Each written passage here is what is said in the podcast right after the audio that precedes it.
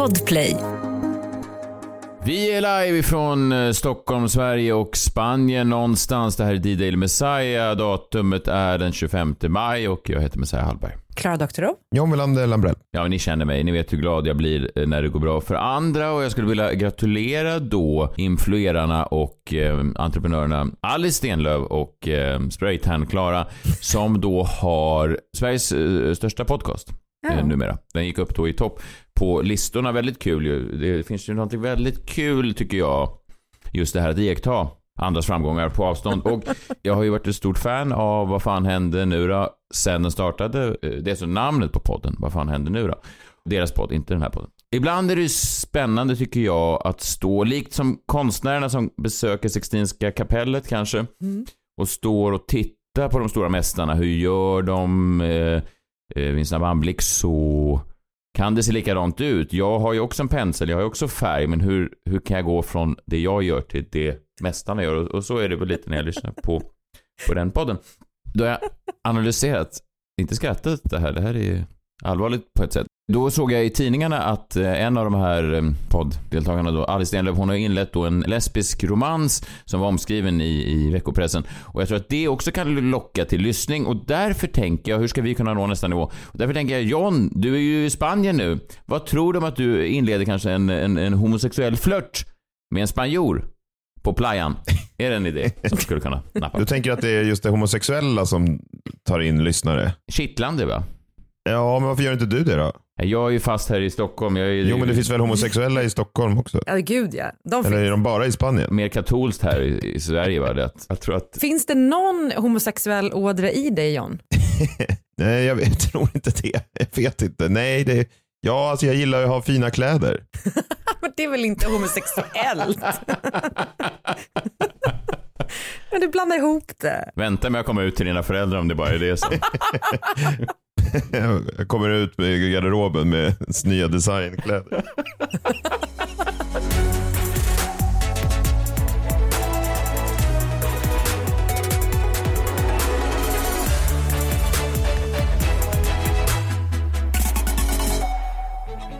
God morgon på er, torsdag morgon. John, du är i Spanien. Du, du har skickats dit för att följa upp det senaste som har hänt. Madeleine McCann, den lilla flickan som försvann eh, i, i Portugal, i Praia de Luz.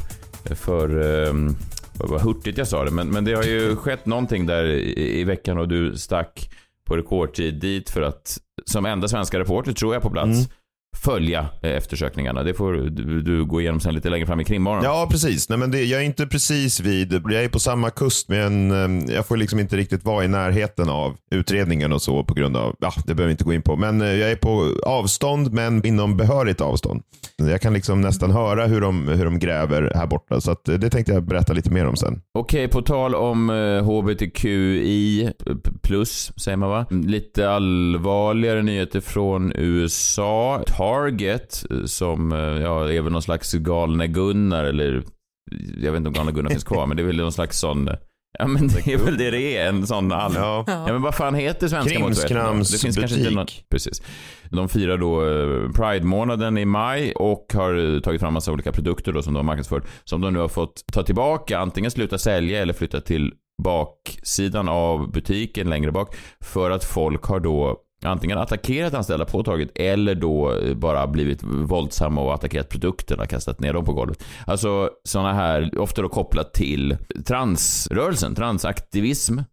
Vilket verkar vara den stora kulturella, vi ska, jag ska inte fastna för mycket i det här, men det verkar vara den stora kulturella skiljefrågan eller liksom brännpunktsfrågan som definierar det här kulturkriget just nu. Det är liksom ståuppkomiker och eh, högertyckare och sådär. Det, det, och även i Sverige här med dragartister och så här. Det finns någonting kring det här som uppenbarligen är väldigt, det låter ju fel att säga i ropet, men det är det här som folk verkligen brinner för när det kommer till kulturkrigsfrågan. Mm. Över hela världen. Är inte det bara en konstruerad fråga? Alltså så här, det är en slagpåse för högern antar jag, bara för att man ska ha någonting att prata om.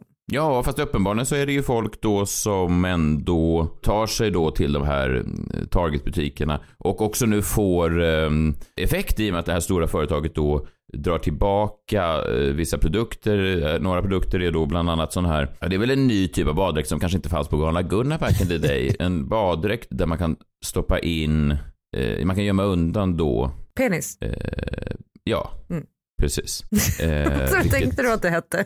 Du vill inte säga ordet? Nej, jag ville välja rätt ord. Det kanske är en penis då. Det är det väl? Det är en penis. Det är en penis, ja. Ja. Precis. Och det har, en sån dräkt har jag aldrig burit såklart. Jag har aldrig känt behovet av det, men det är väl fint att det finns kanske. Men vissa blir då vansinniga av det här. Man måste ju också förstå lite det är ju lätt att välja sida i det här såklart. Det finns ju liksom väldigt tydligt en god och en ondskefull sida. Men det finns ju också olika aspekter från hur insatt man är i det här. Jag bara läste ehm, en bok som kom här för några månader sedan. Eh, Maggie Habermans Confidence Man om Donald Trumps uppkomst eller hela vägen fram till när han blev vald till president. Jag läser den på svenska här nu och då går ni igenom hela eh, processen då.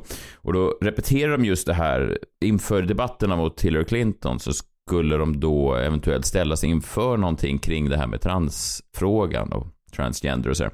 Och då repeterar de det här innan vad, vad Trump skulle svara om den här frågan kom upp. Och då frågade då Priebus, som då medarbetare till Trump, han frågade, skulle någon som identifierar sig som man kunna använda flicktoaletten? För Trump hade haft liksom problem att ta sig ur den här frågan tidigare. Det är lätt att trassla in sig, lätt att ja, använda fel ord kanske. Så. Och då, då svarade han, det här är bara väldigt tydliggörande vilken nivå kanske vissa befinner sig på. Han fick frågan då, skulle jag som identifierar mig som flicka men ändå är en man kunna använda en flicktoalett? Och då svarade Trump, då har jag en fråga bara först. Kukad eller avkukad? Va? Ja, att, alltså det här är den svenska översättningen då. Jag, jag vet inte vad, Men- dikt eller didikt, eller jag vet inte vad det står i den engelska boken. Alltså om man hade genomgått en könskorrigering. Ja, ja, precis. Men jag menar bara att det är på den här basala eller nivån. avkukad. Ja, det var också en fråga jag aldrig har ställt till någon. Men jag menar bara att det, det är så lätt när man är, ibland är ju progressiva människor väldigt, det är ju såklart fint att vara progressiv så. Men man måste också komma ihåg att de som inte är det, är liksom på den nivån, de är på kukad eller avkukad nivån. Så ibland kanske man måste bara, jag vet inte, Jag vet, mötas halvvägs. Förstår du vad jag menar? Eh, Utan att för den delen stå och bränna upp b- b- Baddräkter. gender fluid barnböcker på Target. Ja. Nej, men jag, jag tänker kring det där också att så, transrörelsen har gjort det lite svårare för sig. För att det finns så mycket beröringsskräck och det är väl den då högern använder som slag på sig för att de tycker, det, alltså så här, det är en väldigt liten fråga.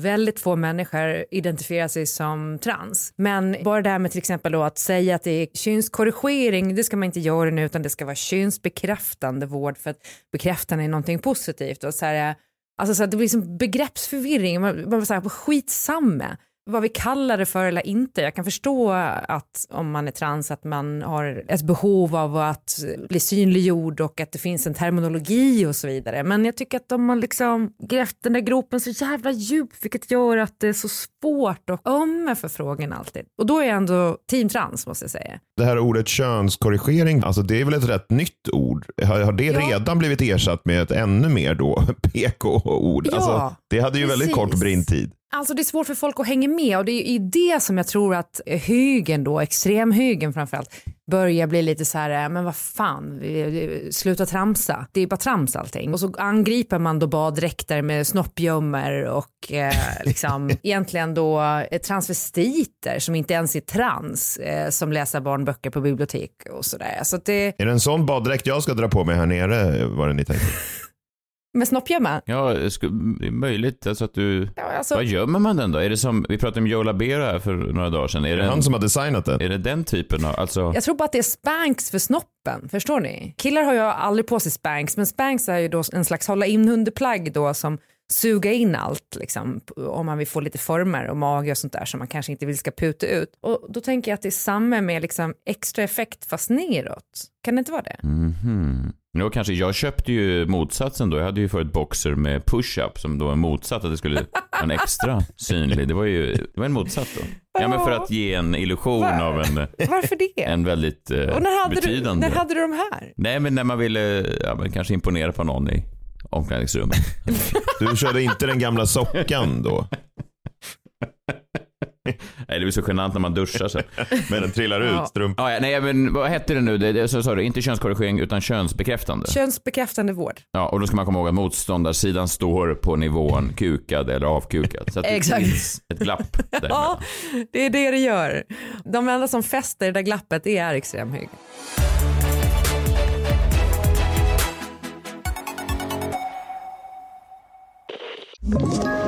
Ett poddtips från Podplay.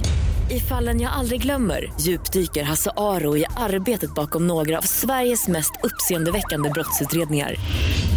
Går vi in med hemlig telefonavlyssning och, och då upplever vi att vi får en total förändring av hans beteende. Vad är det som händer nu? Vem är det som läcker? Och så säger han att jag är kriminell, jag har varit kriminell i hela mitt liv men att mörda ett barn, där går min gräns. Nya säsongen av Fallen jag aldrig glömmer på Podplay.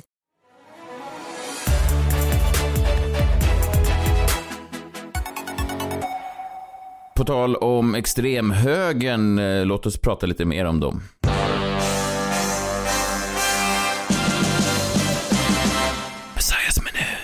Jag vet inte om ni har hängt med den här eh, lilla eh, härliga, det här rör ju oss lite grann, det är en härlig nyhet. Eh, det visar sig då att några som befinner sig till höger har då stämt Bianca Meijer, alltså komikern. Och hon har en podcast med Jonathan Unge. Och de har då stämt henne för någonting som de sa i podden om då det som de menar är nazister. Och nazisterna då menar att de inte är nazister. Alltså nazisterna blir upprörda. De är då inte nazister menar de. De är bara, de tror mycket på nationsgränser, vilket är ju, ja det är ett fint sätt att formulera det. Jaha. Men vad med dem gör att de är nazister då? Eh, nej, det är väl, det skulle väl vara det här att de menar att det kanske är lite med folkutbyte och Just det. Arisk ras. Judarna som styr allting och att det finns en... Det är där lite grann, men men jag menar bara att nationsgränser, andra, vi- man behöver inte vara nazist bara för att man tror på nationsgränser. Andra framträdande ledare som har trott på nationsgränser genom åren har ju varit till exempel Adolf Hitler. Så att det finns ju många exempel på... Fast han har ju inte respekterat de där gränserna, det kan man ju inte säga. alltså, egentligen trodde han ju inte på gränserna. Han tror på utvidgade gränser. Utvidgade nationsgränser. Gränser ja. som är flytande. Ja, verkligen. Kukad eller avkukad. Ja, det är en nationsbekräftande gränsdragning. Det är ändå ett bättre ord. Det skulle Putin använda istället för spe- special military operation. Nationsbekräftande operation. Han tycker att det är provocerande med alla som fortfarande slänger sig med det lite mer hafsiga nationskorrigerande. ja, I alla fall, det de hade sagt då i podcasten Den unge Majers lidande så hade de kallat då en icke namngiven person för nazistpyssling. Nazistpyssling. Under tisdagen så var det då i Stockholms tingsrätt, eh, ja ett mål här då, där en av de här då, han som hade då kallats för nazistpyssling, stämde då dem för förtal. Och det är ju intressant när man själv sysslar med, med podcasting, liksom inte på en sån framgångsrik nivå som Alice Stenlöf och, och Spraytan-Klara, men ändå att man håller på och, och, och larvar sig. Att det kan ju då styra, jag har ju aldrig tänkt på just den hotbilden, att det kan vara ett förtal om man säger någonting och speciellt inte, jag visste inte att just pysslingar var så känsliga. Men var det det som var förtalet? Alltså att, att han blev kallad pyssling eller nazist? Det är ju det som är det roliga då. Det är alltså inte själva ordet nazist som han har blivit irriterad på, utan det är ju då ordet pyssling. Va? Ja, Ja men det är ju kränkande. Ingen vill väl vara en pyss, alltså en liten sån här som bor under sängen. Fast pysslingar finns ju inte, de existerar inte så därför så blir det ju, det kan jo, ju inte vara en gjorts, rimlig... det har gjorts filmer om, om Nils. Karlsson var väl Ja, fast vadå film?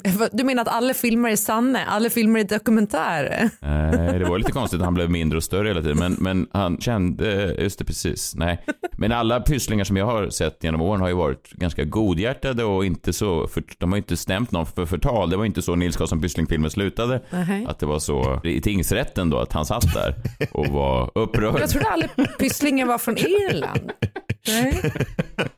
Han satt i världens minsta rättssal och var jätteupprörd. Domaren var som en sork eller något.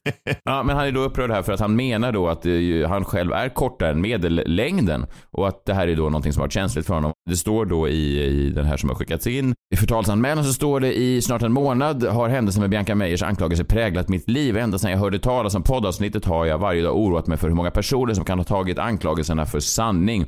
Jag hade svårt att sova natten efter att jag fick reda på avsnittet, skriver då den här killen i stämningsansökan. Just ordet pyssling eftersom han är kortare. Och såklart att det är svårt att sova eh, när man får höra någonting där. Speciellt när man sover på en hatthylla, vilket han tydligen gör. varje- speciellt, men Fast nu tangerar vi ju Snart kommer du få en anmälan på dig. Här blir det steg två i stämningen. Nej, det är vad jag har hört. Det, jag vet inte, det det känns bara obekvämt. I alla fall, eh, Bianca Meijers advokat Monique Wadstedt, som är då den främsta Östermalmsadvokaten i Sverige, eh, hon säger att det handlar om konstnärlig frihet och få uttrycka sig som komiker, säger hon. Och det kan man väl tycka att det gör. Jag bara tyckte att det var intressant. Det påverkar ju lite det man gör i en podd om det då sitter en pyssling och lyssnar på allting som man säger och sen kan bli upprörd. Vilka andra sagoväsen, alltså förstår ni det här? Har vi en geti som lyssnar? Alltså finns det troll som sitter just nu och väger mina ord på Ja, guldvåg? det Ja, finns ja. det Det är ju det som är läskigt. Ja, vi får väl se om du blir inkallad i en trollrättssal. Jag får ett sånt argt e-postmeddelande från Blunder. Han säger, jag hörde vad du sa om oss dvärgar. Och det är inte okej. Vi ses i tingsrätten. Det är lite läskigt tycker jag bara.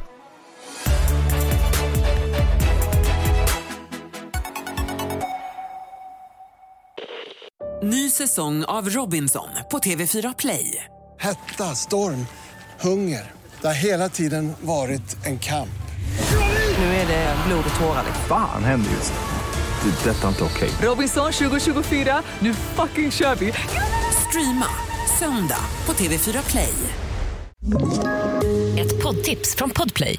I podden Något Kaiko garanterar östgötarna Brutti och jag, Davva, dig en stor dos skratt. Där följer jag pladask för köttätandet igen. Man är lite som en jävla vampyr. Man har fått lite blodsmak och då måste man ha mer. Udda spaningar, fängslande anekdoter och en och annan arg rant. Jag måste ha mitt kaffe på morgonen för annars är jag ingen trevlig människa. Då är du ingen trevlig människa, punkt. Något Kaiko, hör du på Podplay. Därför är gardinerna.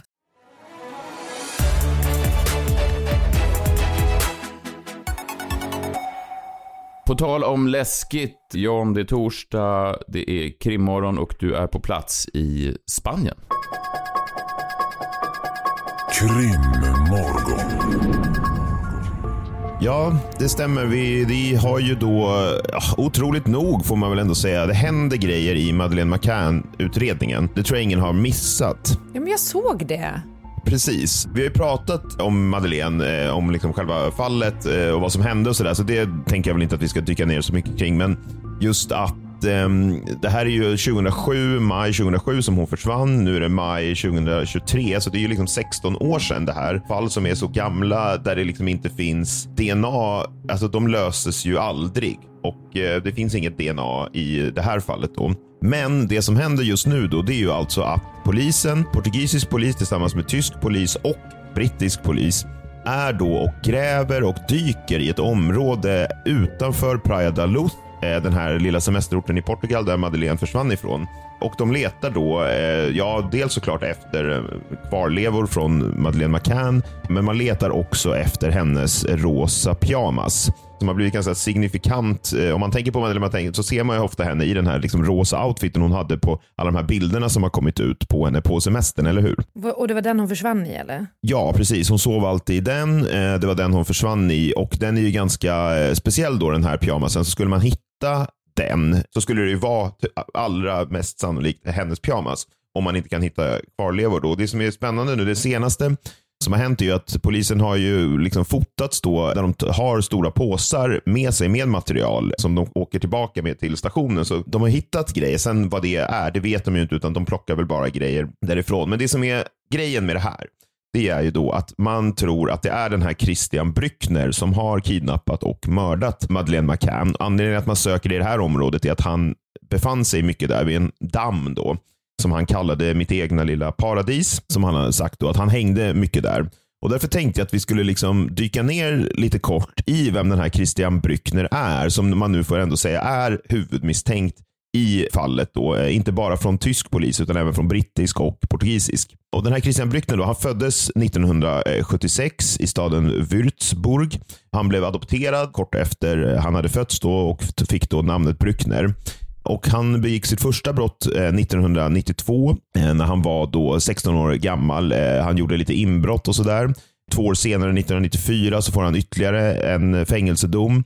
För att då har han då för första gången, i alla fall som man vet, då förgripit sig på ett barn.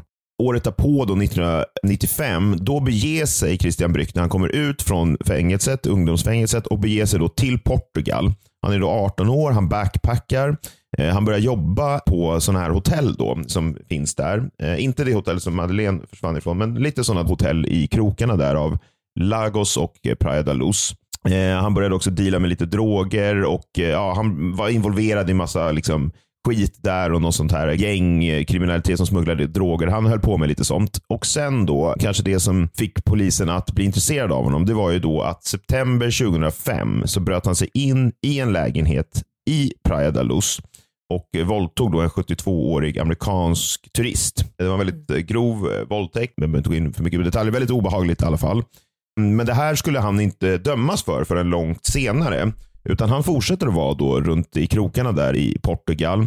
Han bodde då i ett, ehm, det kallas farmhouse. Jag vet inte riktigt vad det är. Det är väl liksom ett, ja, men ett litet hus då ute på landsbygden tror jag att det är. Har ni någon koll på vad ett farmhouse är? Eh, ja, det- Inte en bondgård är det ju inte, utan det är ju någon typ av...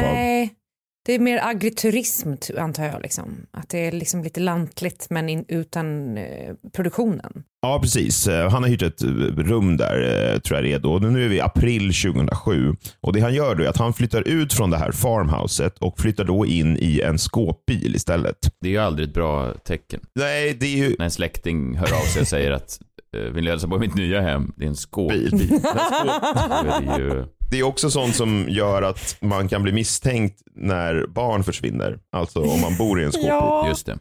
Ja. Kolla med killen som bor i skåpbilen precis där det hände. Ja, Ja, precis. Ja, och det var ju precis det han gjorde då. Han bodde i en skåpbil precis där det hände. Den här skåpbilen, det finns bilder på den. Den ser också ut som en sån skåpbil som såna här shady figurer bor i. Det är ingen sån som man har på Burning Man, utan det är, den är lite fulare då. Och då den 3 maj 2007 så försvinner ju Madeleine McCann vid 22-tiden på kvällen från sitt sovrum på det här eh, hotellet då.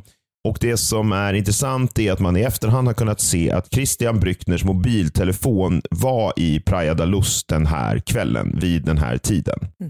Det är det man, man, man vet om honom och att han bodde i den här skåpbilen. Då. Och eh, Kort efter Madeleines försvinnande så återvänder Christian Brückner till Tyskland Eh, och bosätter sig där igen. Eh, några år senare, 2011, så blir han dömd för drogförsäljning och eh, några år senare kommer han ut ur fängelset och börjar bedriva någon liten kioskverksamhet i en småstad i Tyskland. Han återvänder sen till Portugal, åker tillbaka till Tyskland, får en ny dom då för att ha förgripit sig på ett barn och han blir också dömd för barnpornografibrott 2016. Sen finns det liksom lite rykten kring honom det här att han då på tioårsdagen av Madeleines försvinnande ska ha befunnit sig på en bar där de visade tv-inslag om det här. Då, att han då skulle ha sagt till en kompis som han var där med att jag vet vad som hände Madeleine McCann. Sånt där ska man alltid ta, tycker jag, liksom, lite grann med en nypa salt. Det som händer då det är att kort efter det här så blir han åtalad för den här våldtäkten som begicks 2005 i Portugal på den amerikanska turisten. Och eh, Han blir dömd för det och där sitter han nu i tyskt fängelse för den här våldtäkten. Det har dykt upp lite nya misstankar mot honom om andra sexbrott då, som han också ska åtalas för snart. Och då den 4 juni 2020, då utnämner ju Tyskland honom då till en då, ja, alltså huvudmisstänkt i det här fallet. Och jag, vi har pratat lite om den här eh, Christian Brückner och jag har ju liksom alltid, jag vet inte, jag har varit lite så här skeptisk, inte till honom som misstänkt, han är liksom en, en väldigt bra misstänkt. Jag tror att han är precis den typen som eh, har tagit eh, Madeleine, eh, absolut. Men jag tycker mycket stämmer in på profilen eh, väldigt bra. Jag har haft lite problem med den tyska polisen och tyska åklagaren för de har ju tjatat om den här killen alltså i flera år nu. Det har ju kommit en dokumentär om honom och så här. Men problemet var att de hade ju aldrig hört av sig till McCann-familjen eller till brittisk polis. Utan det är bara den här då åklagaren som har stått och tjatat om honom. Men varför har det inte hänt någonting?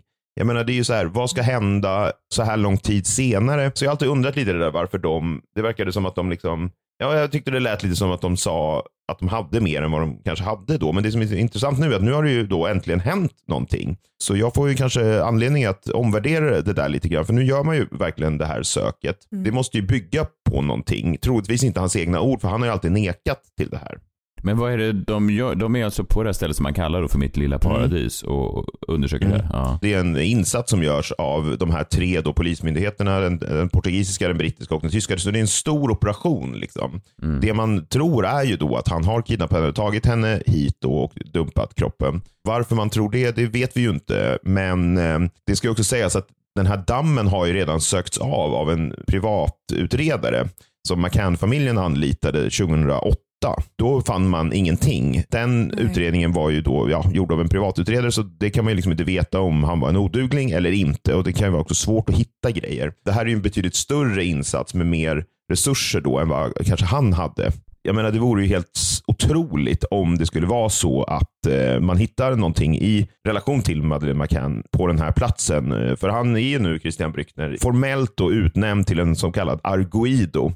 Som är en stor grej i Portugal, det vill säga huvudmisstänkt. Men det var ju också Jerry och Kate McCann en gång i tiden. Och så att, jag menar, det behöver ju inte betyda någonting egentligen. Nej, jag fattar. Men jag tänker bara så här, vad ska Det- de hitta där så långt efter? Jag förstår inte riktigt det. Alltså, så här, borde inte allting ha blivit förstört för det här laget? Eller Ja, men alltså, kroppar, att, kroppar kan man ju hitta, alltså tänder och ben och sånt Ja, där. Det går ju jo, att hitta absolut. långt men typ efter. en pyjamas och sådär. Och om man skulle ha dumpat henne i en sjö så känns det som att hon kanske skulle ha dykt upp. Ja, men- jag vet inte. Ja, men säg att man stoppar jag? alla grejer i en plastpåse eller soppåse eller sådär och knyter den och, och liksom gräver ner eller sådär. Då är det bevarat. Alltså en pyjamas Ja. försvinner ju inte på 16 år om du lägger den någonstans. Alltså den förmultnar ju inte. Nej. Det tror jag inte. Nej, i och för sig, se på boxningsmannen, hans kläder fanns ju kvar. Ja, precis. Och det är ju ännu äldre än det här fallet. Var han eh, homosexuell? Det vet man inte. Även om han gillade fina kläder. Det behöver inte man kan, man kan gilla fina kläder. och inte spela- Ja, men han gillade verkligen roligt fina om jag skulle kläder. börja jobba som så, etnolog eller någonting. Så bara, det är ju tydligt här, boxningsmannen älskade män eh, nonstop. Han kunde inte få dem. Han älskade YMCA. Ja. Vad baserar du det här på? Kläderna. Kolla bara kläderna han hade. Ett väldigt moderiktigt snitt. Vi får se. Det här var väl allt vi hade för idag. Eh, Vi hörs imorgon. Då är det fredag. Följ med oss då. Ta hand om er själva och varandra. Hej, hej. Hej! Hej!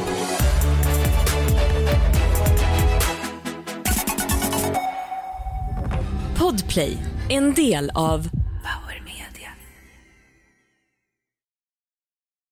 Ny säsong av Robinson på TV4 Play.